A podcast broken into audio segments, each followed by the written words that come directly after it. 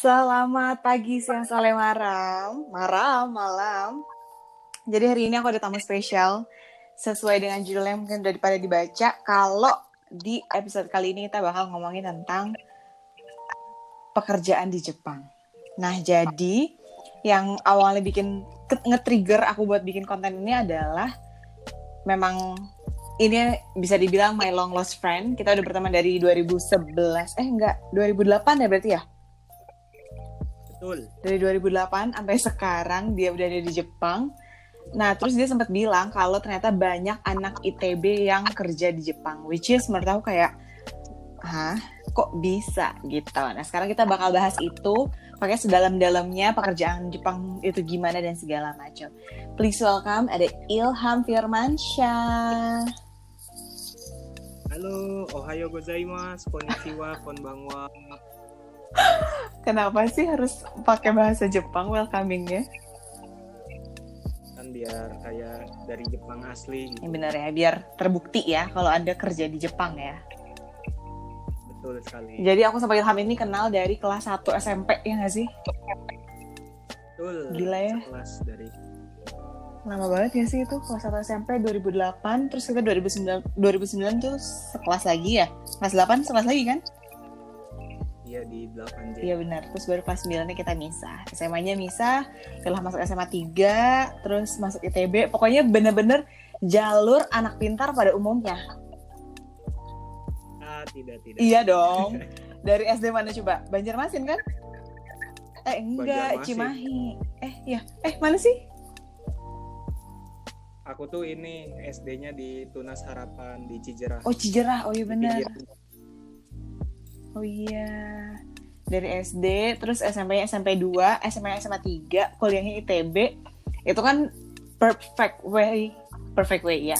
Steps yang perfect untuk anak-anak Bandung gak sih? iya dong. Kalau kata kayak gitu. Iya benar. Nah akhirnya sekarang bisa di Jepang. Mungkin bisa diceritain dulu Bapak, awalnya bisa tiba-tiba ada di Jepang tuh gimana sih? Oke, jadi kan bermula dari lulus kuliah kan. Hmm, Lulus kuliah itu Oktober 2018. oke. Nah, setelah wisuda itu sebelum sebenarnya sebelum wisuda itu udah mulai tuh masa-masa pencarian kerja. Mm-mm. Nah, jadi job hunter, eh job seeker, Iya benar. job seeker di mana-mana lamar sana sini perusahaannya macam-macam mulai dari kosmetik, Hah? Terus serius ini serius mulai dari perusahaan kosmetik, perusahaan otomotif, perusahaan makanan juga Aha. macam-macam lah perusahaannya. Yang jelas mereka membutuhkan engineer di situ. Tunggu, Ilham tuh jurusan apa waktu itu? Aku itu jurusan teknik mesin. Oke. Nah, jadi kayak kebanyakan job seeker pada umumnya tebar CV sana sini, ikut job fair sana sini. Tapi ya gitu banyak banyak hal lah, banyak Hmm. hal yang terjadi. Ada yang begitu daftar langsung ada undangan psikotes ada, Mm-mm. daftar gak ada follow up ada, Pasti. ada yang padahal nggak daftar tiba-tiba ditelepon nggak itu nggak ada sebenarnya. Nah jadi eh, setelah itu banyak lamar sana sini ikut tes sana sini terus gagal sana sini itu sekitar ada sekitar berapa bulan ya? Sebulan lebih dua bulan dua bulan lebih ngerasain kayak gitu sampai bolak-balik Jakarta Bandung cuma buat interview 15 Mhm. menit. Nah akhirnya ada jadi perusahaan yang aku sekarang masuk ini punya kerjasama gitu sama kampus terutama sama jurusan aku teknik mesin Oke. jadi awal mulanya itu ada project dari perusahaan tersebut yang minta tolong ke dosen yang kebetulan eh, satu sub sub jurusan gitu sama aku. Mhm. Jadi bidang keahlian kan mesin teknik mesin kan banyak tuh Oke. ada yang ke energi, produksi, Nah, kebetulan si pro projectnya ini ada hubungannya sama sub jurusan aku. Mhm. Dan dari situ muncul tuh kerjasama. Jadi mereka itu ada ingin ingin ngerekrut anak ITB. Jadi ini emang udah reguler ya mereka ngerekrut anak ITB-nya. Sebenarnya nggak reguler-reguler banget. Jadi itu tuh awalnya tahun 2015. Oke. Nah, mereka merekrut dua atau tiga gitu. Mhm. dua atau tiga nah sempat setelah itu nggak ada acara rekrutmen lagi Oke. baru muncul itu satu tahun sebelum aku jadi kakak tingkat aku yang satu tahun di atas mereka adain lagi rekrutmen Mhm. di jurusan aku Yap, yap, yap. Nah jadi kebetulan pas tahun aku lulus itu mereka ngadain lagi dan aku pun lagi dalam masa-masa nggak punya kerja waktu itu Mhm. nyari ke sana ke sini dan nggak pernah kepikiran juga untuk ke Jepang sebelumnya kan. Mhm. Jadinya awalnya itu masih ada kacamata kuda. Jadi Pengen di Indonesia aja. ya ini jadi kebayangnya itu lulus kuliah dari Bandung Hah? pengen kerja Jakarta, Iya, iya, iya, iya. ngerti, ngerti, ngerti, ngerti, ngerti. pengen kerja di Jakarta atau sekitarnya lah. Ya. Nggak pernah kebayang buat kerja sejauh ini. Mhm. Lagi me- peng- butuh kerjaan juga dan setelah konsultasi jadi awalnya itu sebenarnya aku ragu nih buat daftar ke Jepang. Karena karena jauh karena dari SD sampai lulus kuliah cuma tinggal di Bandung benar gak pernah ninggalin Bandung sama sekali ya. sama sekali nggak pernah ninggalin Bandung dan itu lumayan untuk daftar aja berat tapi akhirnya ada satu momen di mana aku cerita sama pacarku Mhm. nah di situ dia nyadarin gitu kalau aku tuh harus ninggalin zona nyaman Setuju. keluar dari zona lah dan akhirnya ya itu itu akhirnya setelah bicara panjang lebar itu lumayan dan akhirnya aku berani buat daftar nah setelah daftar Mhm. terus ikut tes lah ikut tes psikotes dan interview dan ternyata eh, dibandingkan sama proses-proses sebelumnya yang masih berjalan Mhm. di proses perusahaan ini yang paling cepat keluar pengumumannya Oke. Jadi kayak dimudahin ya semuanya ya. iya dan itu sangat jadi kayak nggak kerasa untuk nyari kerjanya gitu di perusahaan ini nggak kerasa feel deg-degannya Iya, dan iya, iya. kawan-kawannya Tapi nih ya, kalau misalnya kalau misalnya bisa diceritain karena ternyata banyak juga nih di Instagram aku yang nanya sebenarnya susah apa dapetin visa kerja di Jepang? Karena setahu aku kan setiap negara uh, punya rulesnya masing-masing dan biasanya perusahaan tuh suka malas ngeluarin sponsorship buat foreigner gitu loh ngerti gak sih? Karena kan harus ngebayarin orang kan untuk apa tuh bayar ini itunya dan segala macam.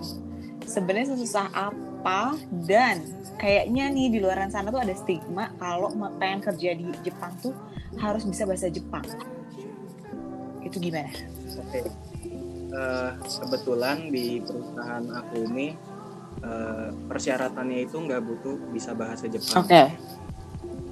Nah, jadi sebenarnya ada macam-macam untuk kerja di Jepang itu Hmm. jalurnya.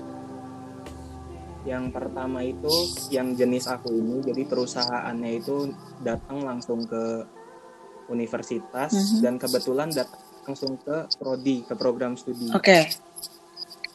Jadi langsung ke program studi, ngadain rekrutmen, misalnya butuh empat orang, langsung setelah rekrutmen ambil empat orang, selesai Yap. gitu. Jadi untuk masalah persiapan bahasa dan kawan-kawannya itu ditanggung sama perusahaan. Oke. Ada juga ja- ada juga jalur lewat outsourcing. Aha. Nah, untuk outsourcing ini jadi eh, si perusahaan-perusahaan Jepang itu eh, minta bantuan nih ke perusahaan outsourcing yang ada di Indonesia Mhm. ini. butuh misalnya butuh engineer dari teknik mesin. Ya. Nah, jadi dari si pihak outsourcing ini nyari anak-anak yang mau kerja di Jepang Oke. dari teknik mesin. Nah, dari situ ada ada yang eh, untuk pelajaran bahasanya itu ditanggung sama outsourcingnya, ada juga yang pribadi. Mhm, mhm. Nah, tapi untuk yang outsourcing ini, jadi setelah masuk diterima lewat outsourcing ini, setelah dirasa layak untuk pergi ke Jepang, pergi ke Jepang loh ya, bukan Kerja ya. ya. Jadi pergi ke Jepang itu nanti mereka untuk interview, Oke. untuk interview, untuk nyari kerja, tapi dibantu sama pihak outsourcing ini. Ya. Nah, itu jadi kebanyakan kayak gitu, Pel. Asli asli. Ada Heeh. emang nya eh ada yang perusahaan ke universitas Mm-mm. ada yang ada yang lewat program emang program Japan karir gitu Oke. nah kebetulan di ITB dan UGM untuk tahun Mhm. ini itu kemarin itu ada program Japan Career Days gitu jadi si pihak jadi ada satu organisasi ya Mhm. organisasi yang eh, isinya itu eh, perusahaan-perusahaan Jepang yang butuh tenaga kerja dari Indonesia Dan itu cuma ada di ITB dan UGM untuk saat ini gitu ya. kayaknya iya tapi untuk yang lainnya mungkin ada tapi aku nggak tahu Nah, dengan statement itu sebenarnya jadi bikin aku kayak semakin yakin nih kalau kayaknya setelah kuliah di ITB atau di kampus-kampus ternama, ya you name it lah ya ITB, UGM, UI dan segala macam, kelihatannya jalur karirnya lebih jelas nggak sih, Ham? ya se- sebenarnya untuk jalur kali karir itu nggak ada yang bisa bilang sih itu bakal jelas atau enggak Hmm. meskipun dari universitas ternama atau bukan karena yang perlu kamu tahu ya waktu pas aku belajar bahasa Hmm? jadi aku itu kebetulan belajar bahasa digabungin sama LPK tahu LPK nggak? Enggak dong. LPK itu lembaga pendidikan pelatihan kerja Oke. Nah, kebetulan kebetulan LPK LPK yang ber- bekerja sama sama perusahaan Jepang itu sangat banyak di Indonesia. Oke. Jadi LPK itu apa? Jadi perusahaan butuh ini butuh tenaga operator, Aha. misal tenaga operator yang lulusan SMK atau SMA. Mm-mm. Nah, eh, untuk dikirim untuk kerja di Jepang. Mm. Nah, itu banyak tuh LPK LPK yang mewadahi orang anak-anak lulusan SMA sama SMK untuk dilatih mulai dari bahasa sama budaya lah, budaya kerja untuk dikirim ke Jepang. Nah, kebetulan aku belajar bahasa Jepangnya itu bareng mereka. Oke.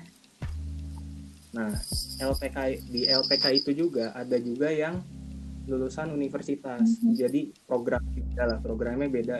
Bukan buat jadi operator magang, tapi untuk jadi engineer juga. Mhm. Dan itu juga eh, nama universitasnya juga mungkin aku sendiri juga belum pernah dengar. Jadi nggak nggak selamanya yang kerja di Jepang itu dari universitas universitas universitas ternama gitu. Paham. Berarti sebenarnya chance-nya tuh kebuka untuk semua universitas ya. Maksudnya nggak nggak melulu ITB yang dapat kesempatan buat ke Jepang atau universitas-universitas bagus aja gitu. Betul. Jadi memang se- Sebutuh itu. perusahaan. Nah, pertanyaannya nih kenapa sih mereka butuh butuh tenaga Indonesia? Padahal mungkin kalau misalnya kita lihat ya, maksudnya stigma di masyarakatnya atau misalnya pada umumnya orang Jepang biasanya kelihatannya lebih pintar, kelihatannya lebih on time, kelihatannya apa ya kayak somehow di atas kita nggak sih pendidikannya? Kenapa mereka butuh kita ya? Nah, jadi sebenarnya itu karena kondisi di negara Jepang itu. Oke. sendiri.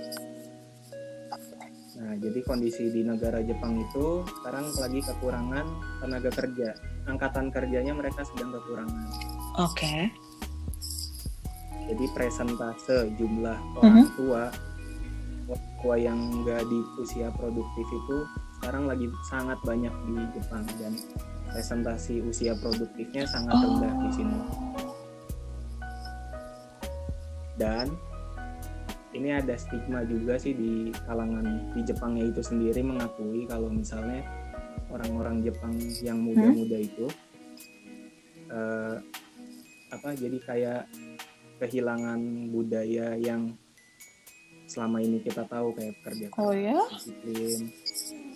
Iya, jadi udah mulai ada pergeseran budaya juga untuk anak-anak muda Jepang di sini. Oh gitu. Iya, tapi masih banyak Tetap kerja di sana. pintar-pintar ya, dan kerja. Jadi mereka itu banyaknya sekarang eh, lebih ke apa ya? Bahkan untuk masuk universitas pun kayak pernah dengar sih, Hmm? pernah dengar mereka itu jatuhnya lebih malas dari sebelumnya, tapi nggak tahu ya malas. Standarnya gimana nggak tahu ya.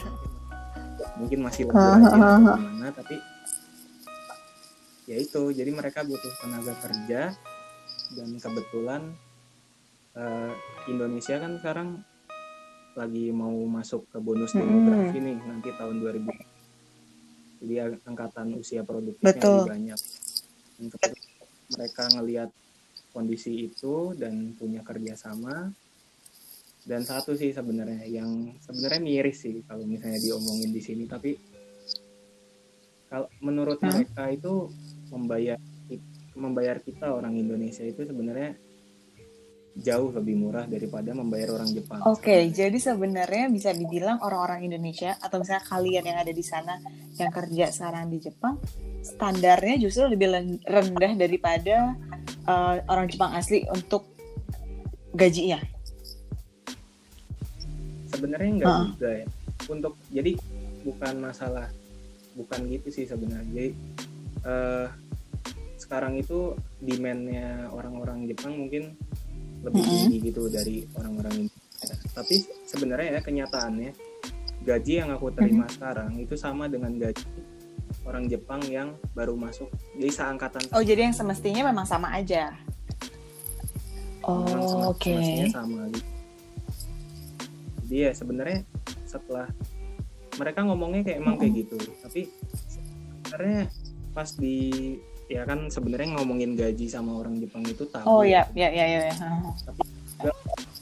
Ada juga mereka yang penasaran ya udah kenapa ya mereka juga penasaran sama kita, kita penasaran. Ternyata ya sama sebenarnya. Oh. Jadi mungkin mungkin ya untuk yang eh, apa namanya untuk yang tenaga kerja yang dibayar relatif lebih Hmm? murah itu mungkin untuk yang di kota-kota Oh besar. gitu. Iya, untuk yang di kota-kota besar karena kota-kota besar misalnya semacam Tokyo dan kawan-kawannya itu itu kan biaya hidupnya Lebih tinggi ya. biaya hidupnya tinggi. Mungkin kalau menurut kalau dibandingkan dengan biaya hidupnya mungkin ya itu Jadinya kelasnya rendah. ya lebih Oh. Tapi sebenarnya- Oke. Nggak nggak ada perbedaan yang Ya, ya, ya, mencolok ya, lah. Mungkin mungkin yang membedakan itu dari besar atau enggaknya perusahaan tempat kita eh tempat kita kerja. Hmm. Tuh, Oke, oke, oke. ya, sama lah. Ah, ah, ah, ah. Semakin gede perusahaan, semakin ya gede lah apa yang kita terima. Betul. Balik lagi ngomongin tentang anak ITB yang ada di Jepang. Kalau misalnya Ilham pernah bilang sebenarnya banyak banget anak ITB yang akhirnya kerja di Jepang. Tapi sebenarnya sebanyak apa sih? Maksudnya emang selaku itu tanda kutip uh, lulusan-lulusan dari ITB untuk kerja di Jepang atau gimana? Eh, untuk ini kita mulai dari yang paling kecil dulu skopnya. Untuk angkatan aku, untuk angkatan aku yang rata-rata baru lulus itu tahun kemarin dan tahun ini lah tahun kemarin tahun ini jadi baru satu tahun lulus itu sekarang itu yang ada di Jepang di perusahaan aku sekarang angkatan aku ada lima Oke. orang terus di bagian Jepang yang lain sekarang ada Uh-uh. dua jadi sekarang ada tujuh orang nih yang lagi kerja di Mm-mm. Jepang nah untuk angkatan sebelumnya untuk yang teknik Mhm. mesin loh itu lebih dari 15 orang. Itu lebih dari 15 orang dan tersebar di macam-macam kalau nggak salah lebih dari 15 Satu angkatan Iya. 15 orang. Lebih? Wah, gokil. Iya. Wow. dan dan itu tersebar di seluruh daerah Oke. Jepang. Dan untuk angkatan sebelumnya juga ya ya sekitar ya sama lah sekitar Mhm. tujuh. Tapi nah kebanyakan itu kontrak. Misalnya ada jenisnya kan ada kontrak, ada yang Hmm. permanen. Kalau yang kontrak itu kan misalnya tiga tahun atau lima tahun. Jadi kebanyakan ada yang udah pulang juga Mhm. gitu. Yang angkatan-angkatan atas. Banyak banget ya. Jadi ya dari teknik mesin sekarang itu bisa aku bilang lebih dari 25 orang lah. Gila loh. Itu itu banyak loh. Maksudnya considering orang Indonesia dari satu jurusan yang sama, satu kampus yang sama doang ya ke Jepang itu itu banyak banget ya sih?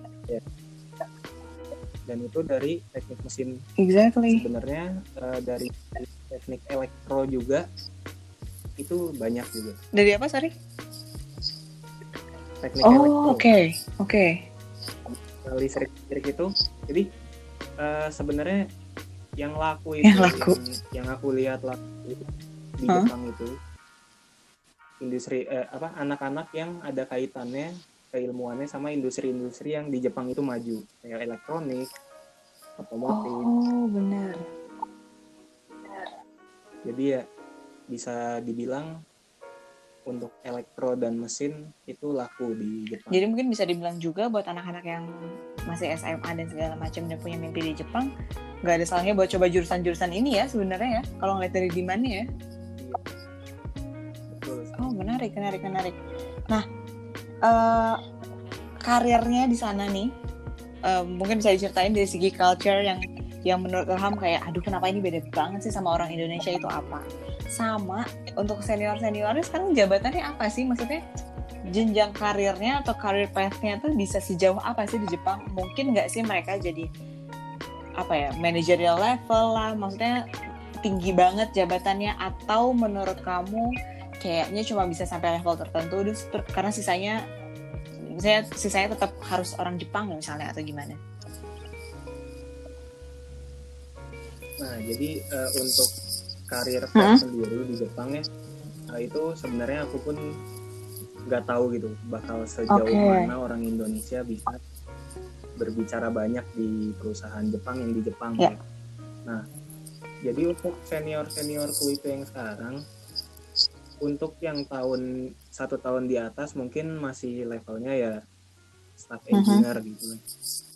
Tapi untuk yang tadi aku bilang di tahun 2015 masuk itu sekarang eh, beliau ini udah dipercaya untuk misalnya dinas keluar untuk ada project di cabang perusahaan di negara apalagi di Indonesia. Jadi dia dia udah dipercaya untuk warawiri lah dinas keluar dan itu sebenarnya oke loh untuk dipercaya megang dinas Mhm, keluar mhm.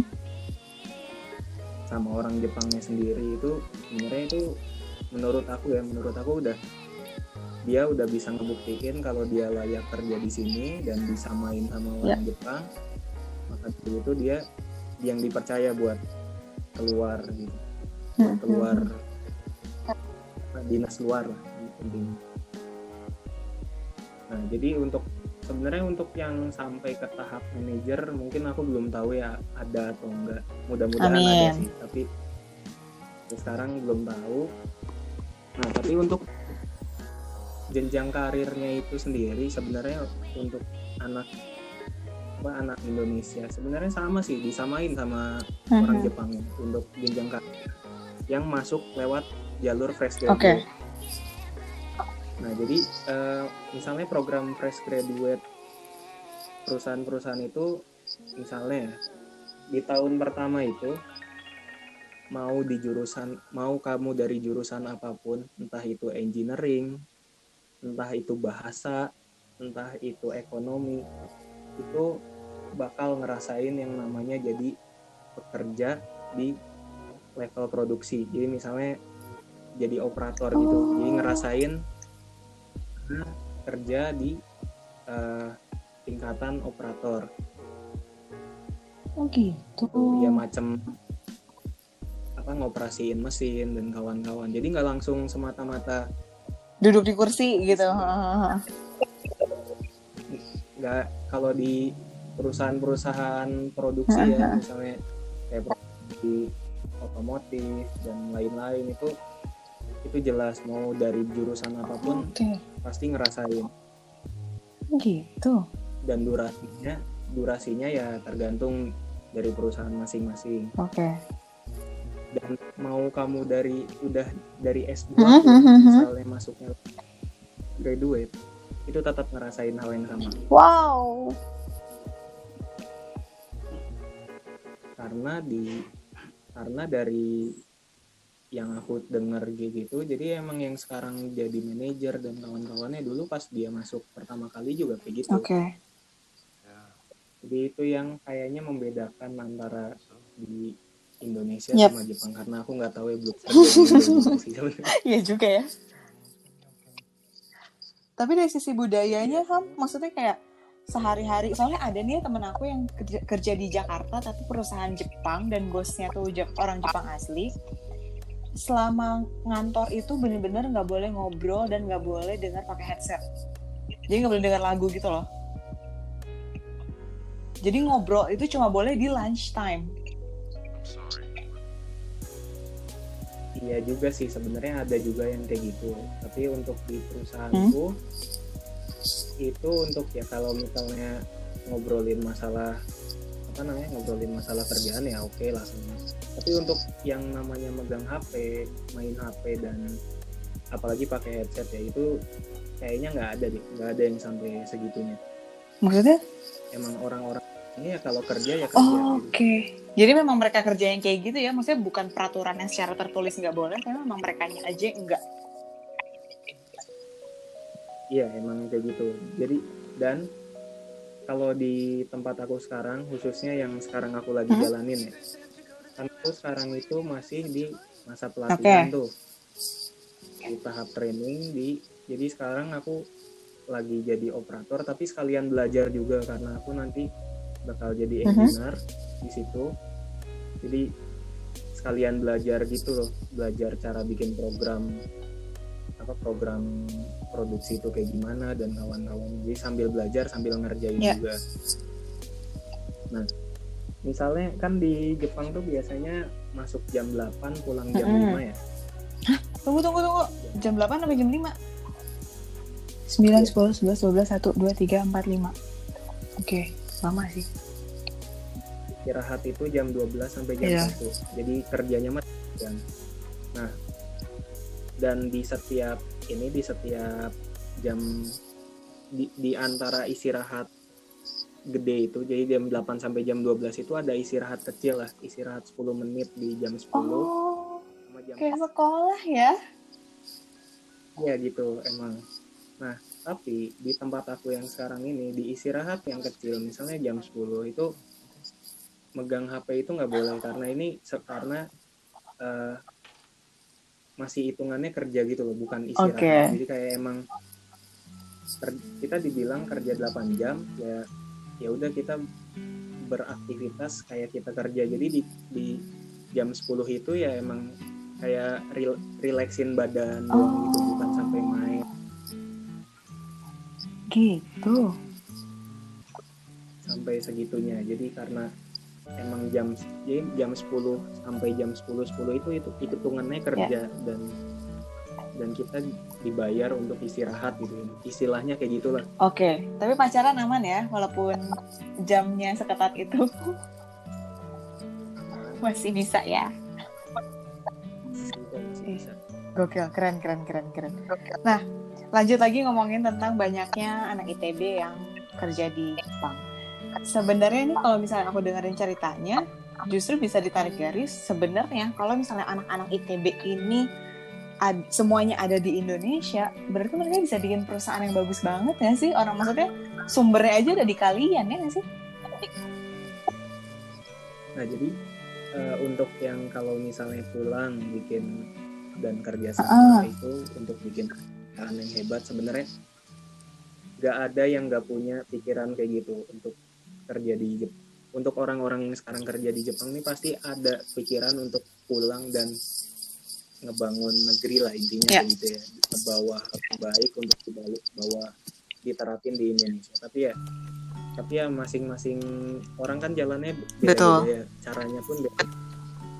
Ada yang emang pulang pulang dari sini pulang dari Jepang itu bikin bisnis ada yang benar-benar nerapin apa yang dia dapat di Jepang ada yang masuk ke perusahaan apa kayak semacam BUMN gitu ada jadi kayak sebenarnya untuk yang sampai bikin mereka ngumpul dan bikin perusahaan sendiri itu sebenarnya pasti ada sih yang kepikiran dulu.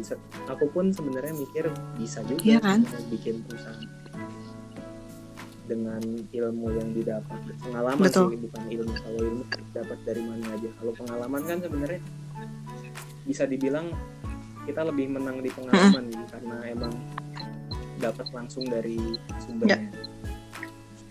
Nah jadi sebenarnya bisa tapi ya kalau untuk realistis dalam waktu dekat ini kayaknya masih belum sih. Apa sih yang jadi tantangannya?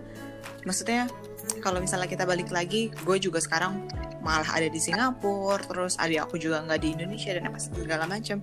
Tapi kalau dari Ilham sendiri apa yang bikin menurut Ilham ya banyak orang Indonesia lulusan Indonesia yang justru senang kerja di luar negeri dan balik ke Indonesia malah jadi nggak mau? Banyak loh yang kayak gitu maksudnya to be fair aja emang banyak. Apa sih yang bikin kadang kita nggak mau pulang?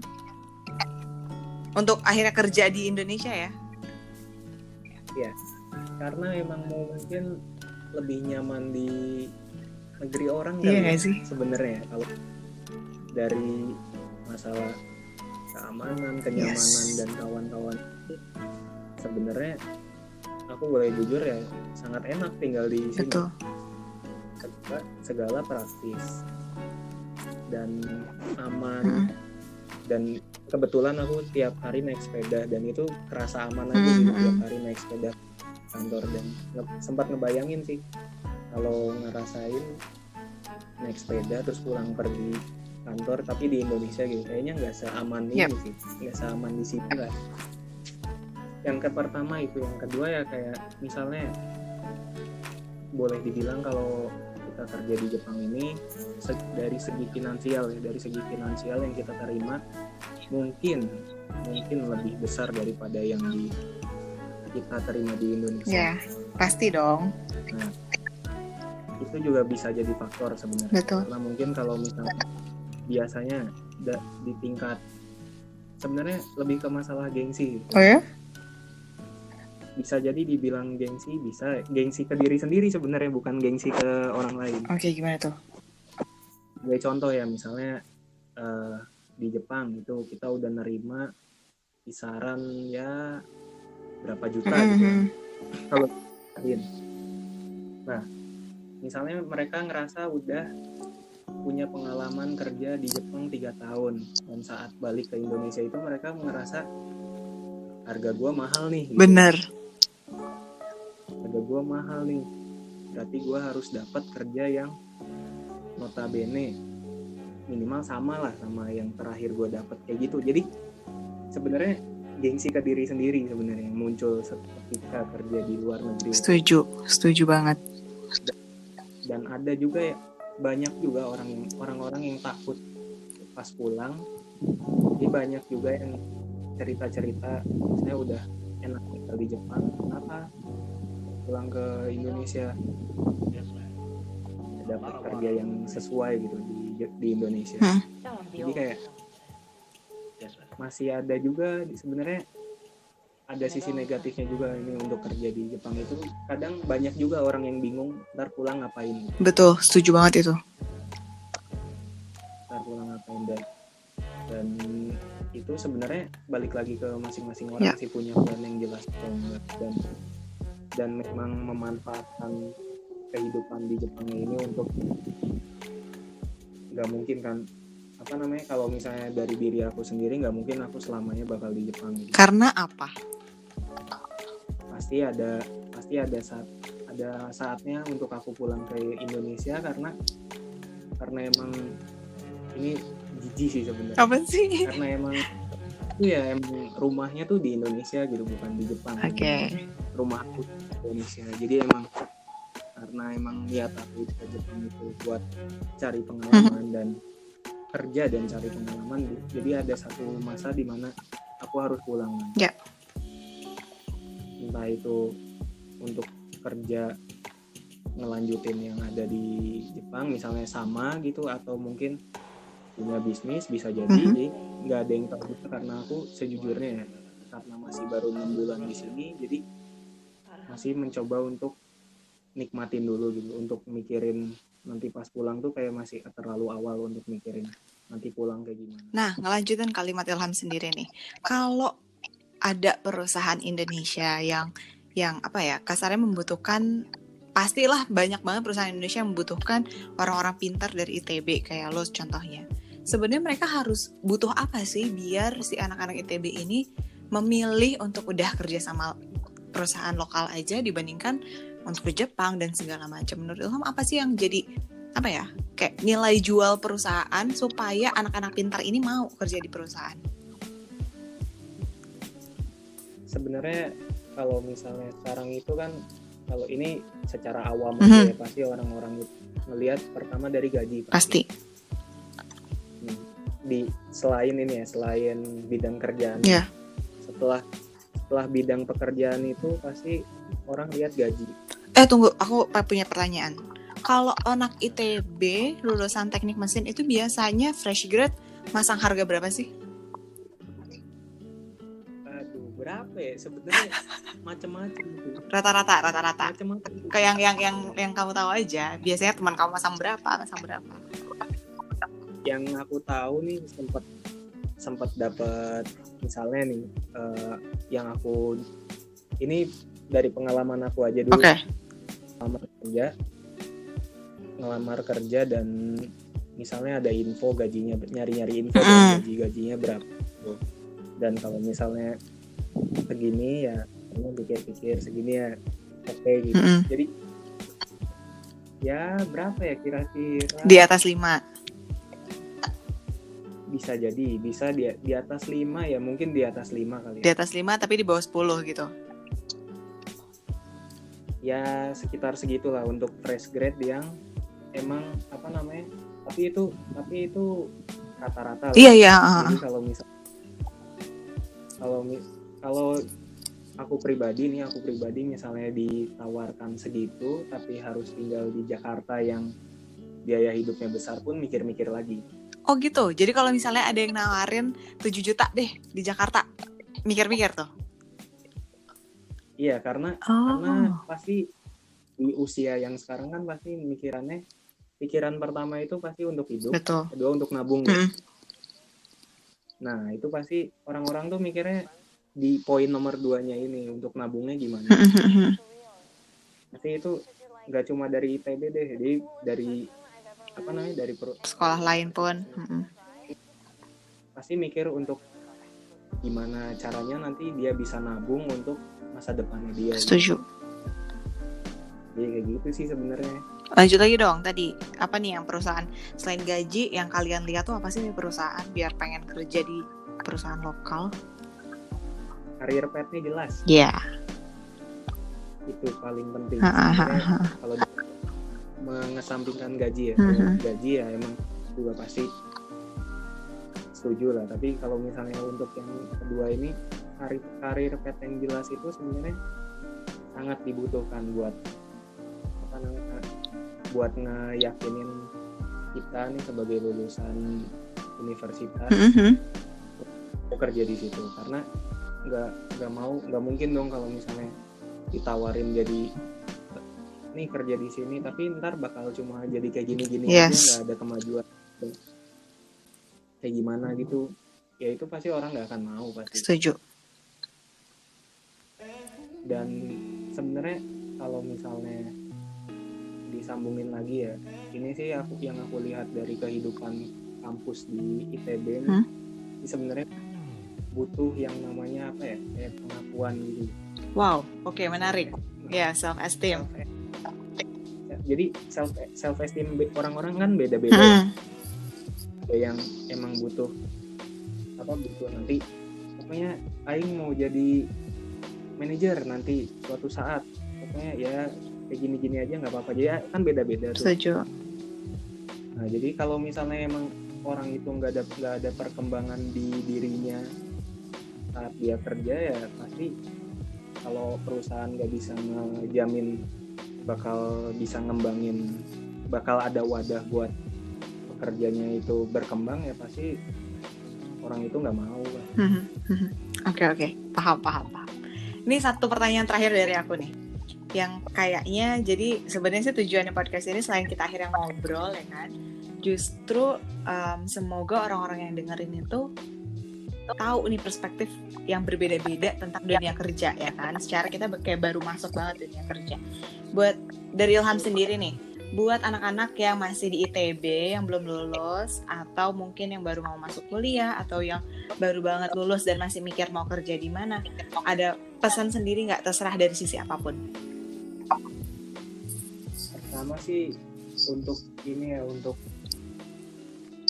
untuk yang pertama itu harus jangan jangan apa ya ngomongnya jangan jangan asal maju deh gitu. maksudnya Jadi harus sebelum ngelangkah itu perlu ada res- research de- buat diri sendiri gitu yang jelas gitu. oke Jadi pertama itu lakuin riset tuh untuk diri sendiri entah itu masalah kerjaan atau masalah kuliah. Hmm. Jadi kalau kita mau ngambil langkah ke depannya, pikirin dulu Hmm. apa yang kita dapat dan susah dan gampangnya itu apa aja. Ya. Terus nanti kira-kira apa namanya? Kira-kira nanti keberjalanannya kayak gimana? Harus sudah jelas sih, harus emang punya pan- pandangan yang jelas dulu kalau kita mau ngapain di jalan itu. visi misinya jelas ya dan kedua mungkin ya ini aku nerusin apa kata pacar aku sih waktu sebelum daftar ini Hmm. jadi cobain nih buat ngelihat dunia tuh jangan cuma sempit gitu. Pandangannya emang harus diluasin. Setuju. Harus ngeluasin pandangan itu dan jangan takut buat keluar dari zona nyamannya sih sebenarnya. Hmm. secara kalau untuk misalnya untuk kerja di Jepang ini kan benar-benar keluar nih dari zona nyamannya. Ya. ngerasain yang namanya jadi minoritas betul. terus ngerasain yang namanya jadi orang asing dan setiap jalan-jalan itu pasti orang ngeliatin. Betul. Jadi kerasa lah kerasa gitu. Jadi apa pun sebagai orang asing di sini apa pun yang kita lakuin tuh jadi kayak jadi sorotan gitu. Jadi sorotan. Jadi ya benar-benar sebenarnya awal-awal nggak nyaman sih tapi lama-lama nyaman lah pasti terbiasa kayak gitu ya itu yang pertama riset yang kedua keluar dari zona nyaman. Itu aja. Yang ketiga kalau misalnya udah masuk nih misalnya udah masuk ke jalurnya yang udah diharapin ya ya udah ya jalanin gitu loh. Jangan jangan nyesel lah sama apa pun yang kita pilih di situ. Jangan setengah-setengah ya. Ya jangan setengah-setengah. Ih keren. Keren loh. Obrolan kita hari ini berfaedah loh tumben ini aku juga biasanya juga ini weekend gini paling istirahat iya. cuma jalan-jalan. Maaf loh ya diganggu waktu istirahatnya kita ngobrolnya serius banget. Tapi nggak apa maksudnya again semoga banyak yang dengerin dan akhirnya terinspirasi ya kan? Bandung memang tempat yang nyaman tapi di luar Bandung ternyata banyak juga tempat yang lebih nyaman lagi untuk masa depan, untuk belajar, untuk mulai karir dan segala macam. Tapi endingnya pasti sih gue yakin hampir uh, semua orang Bandung atau semua orang Indonesia yang lagi di luar negeri pasti pengen banget balik lagi ke Indonesia dan akhirnya bangun Indonesia bareng-bareng ya nggak sih?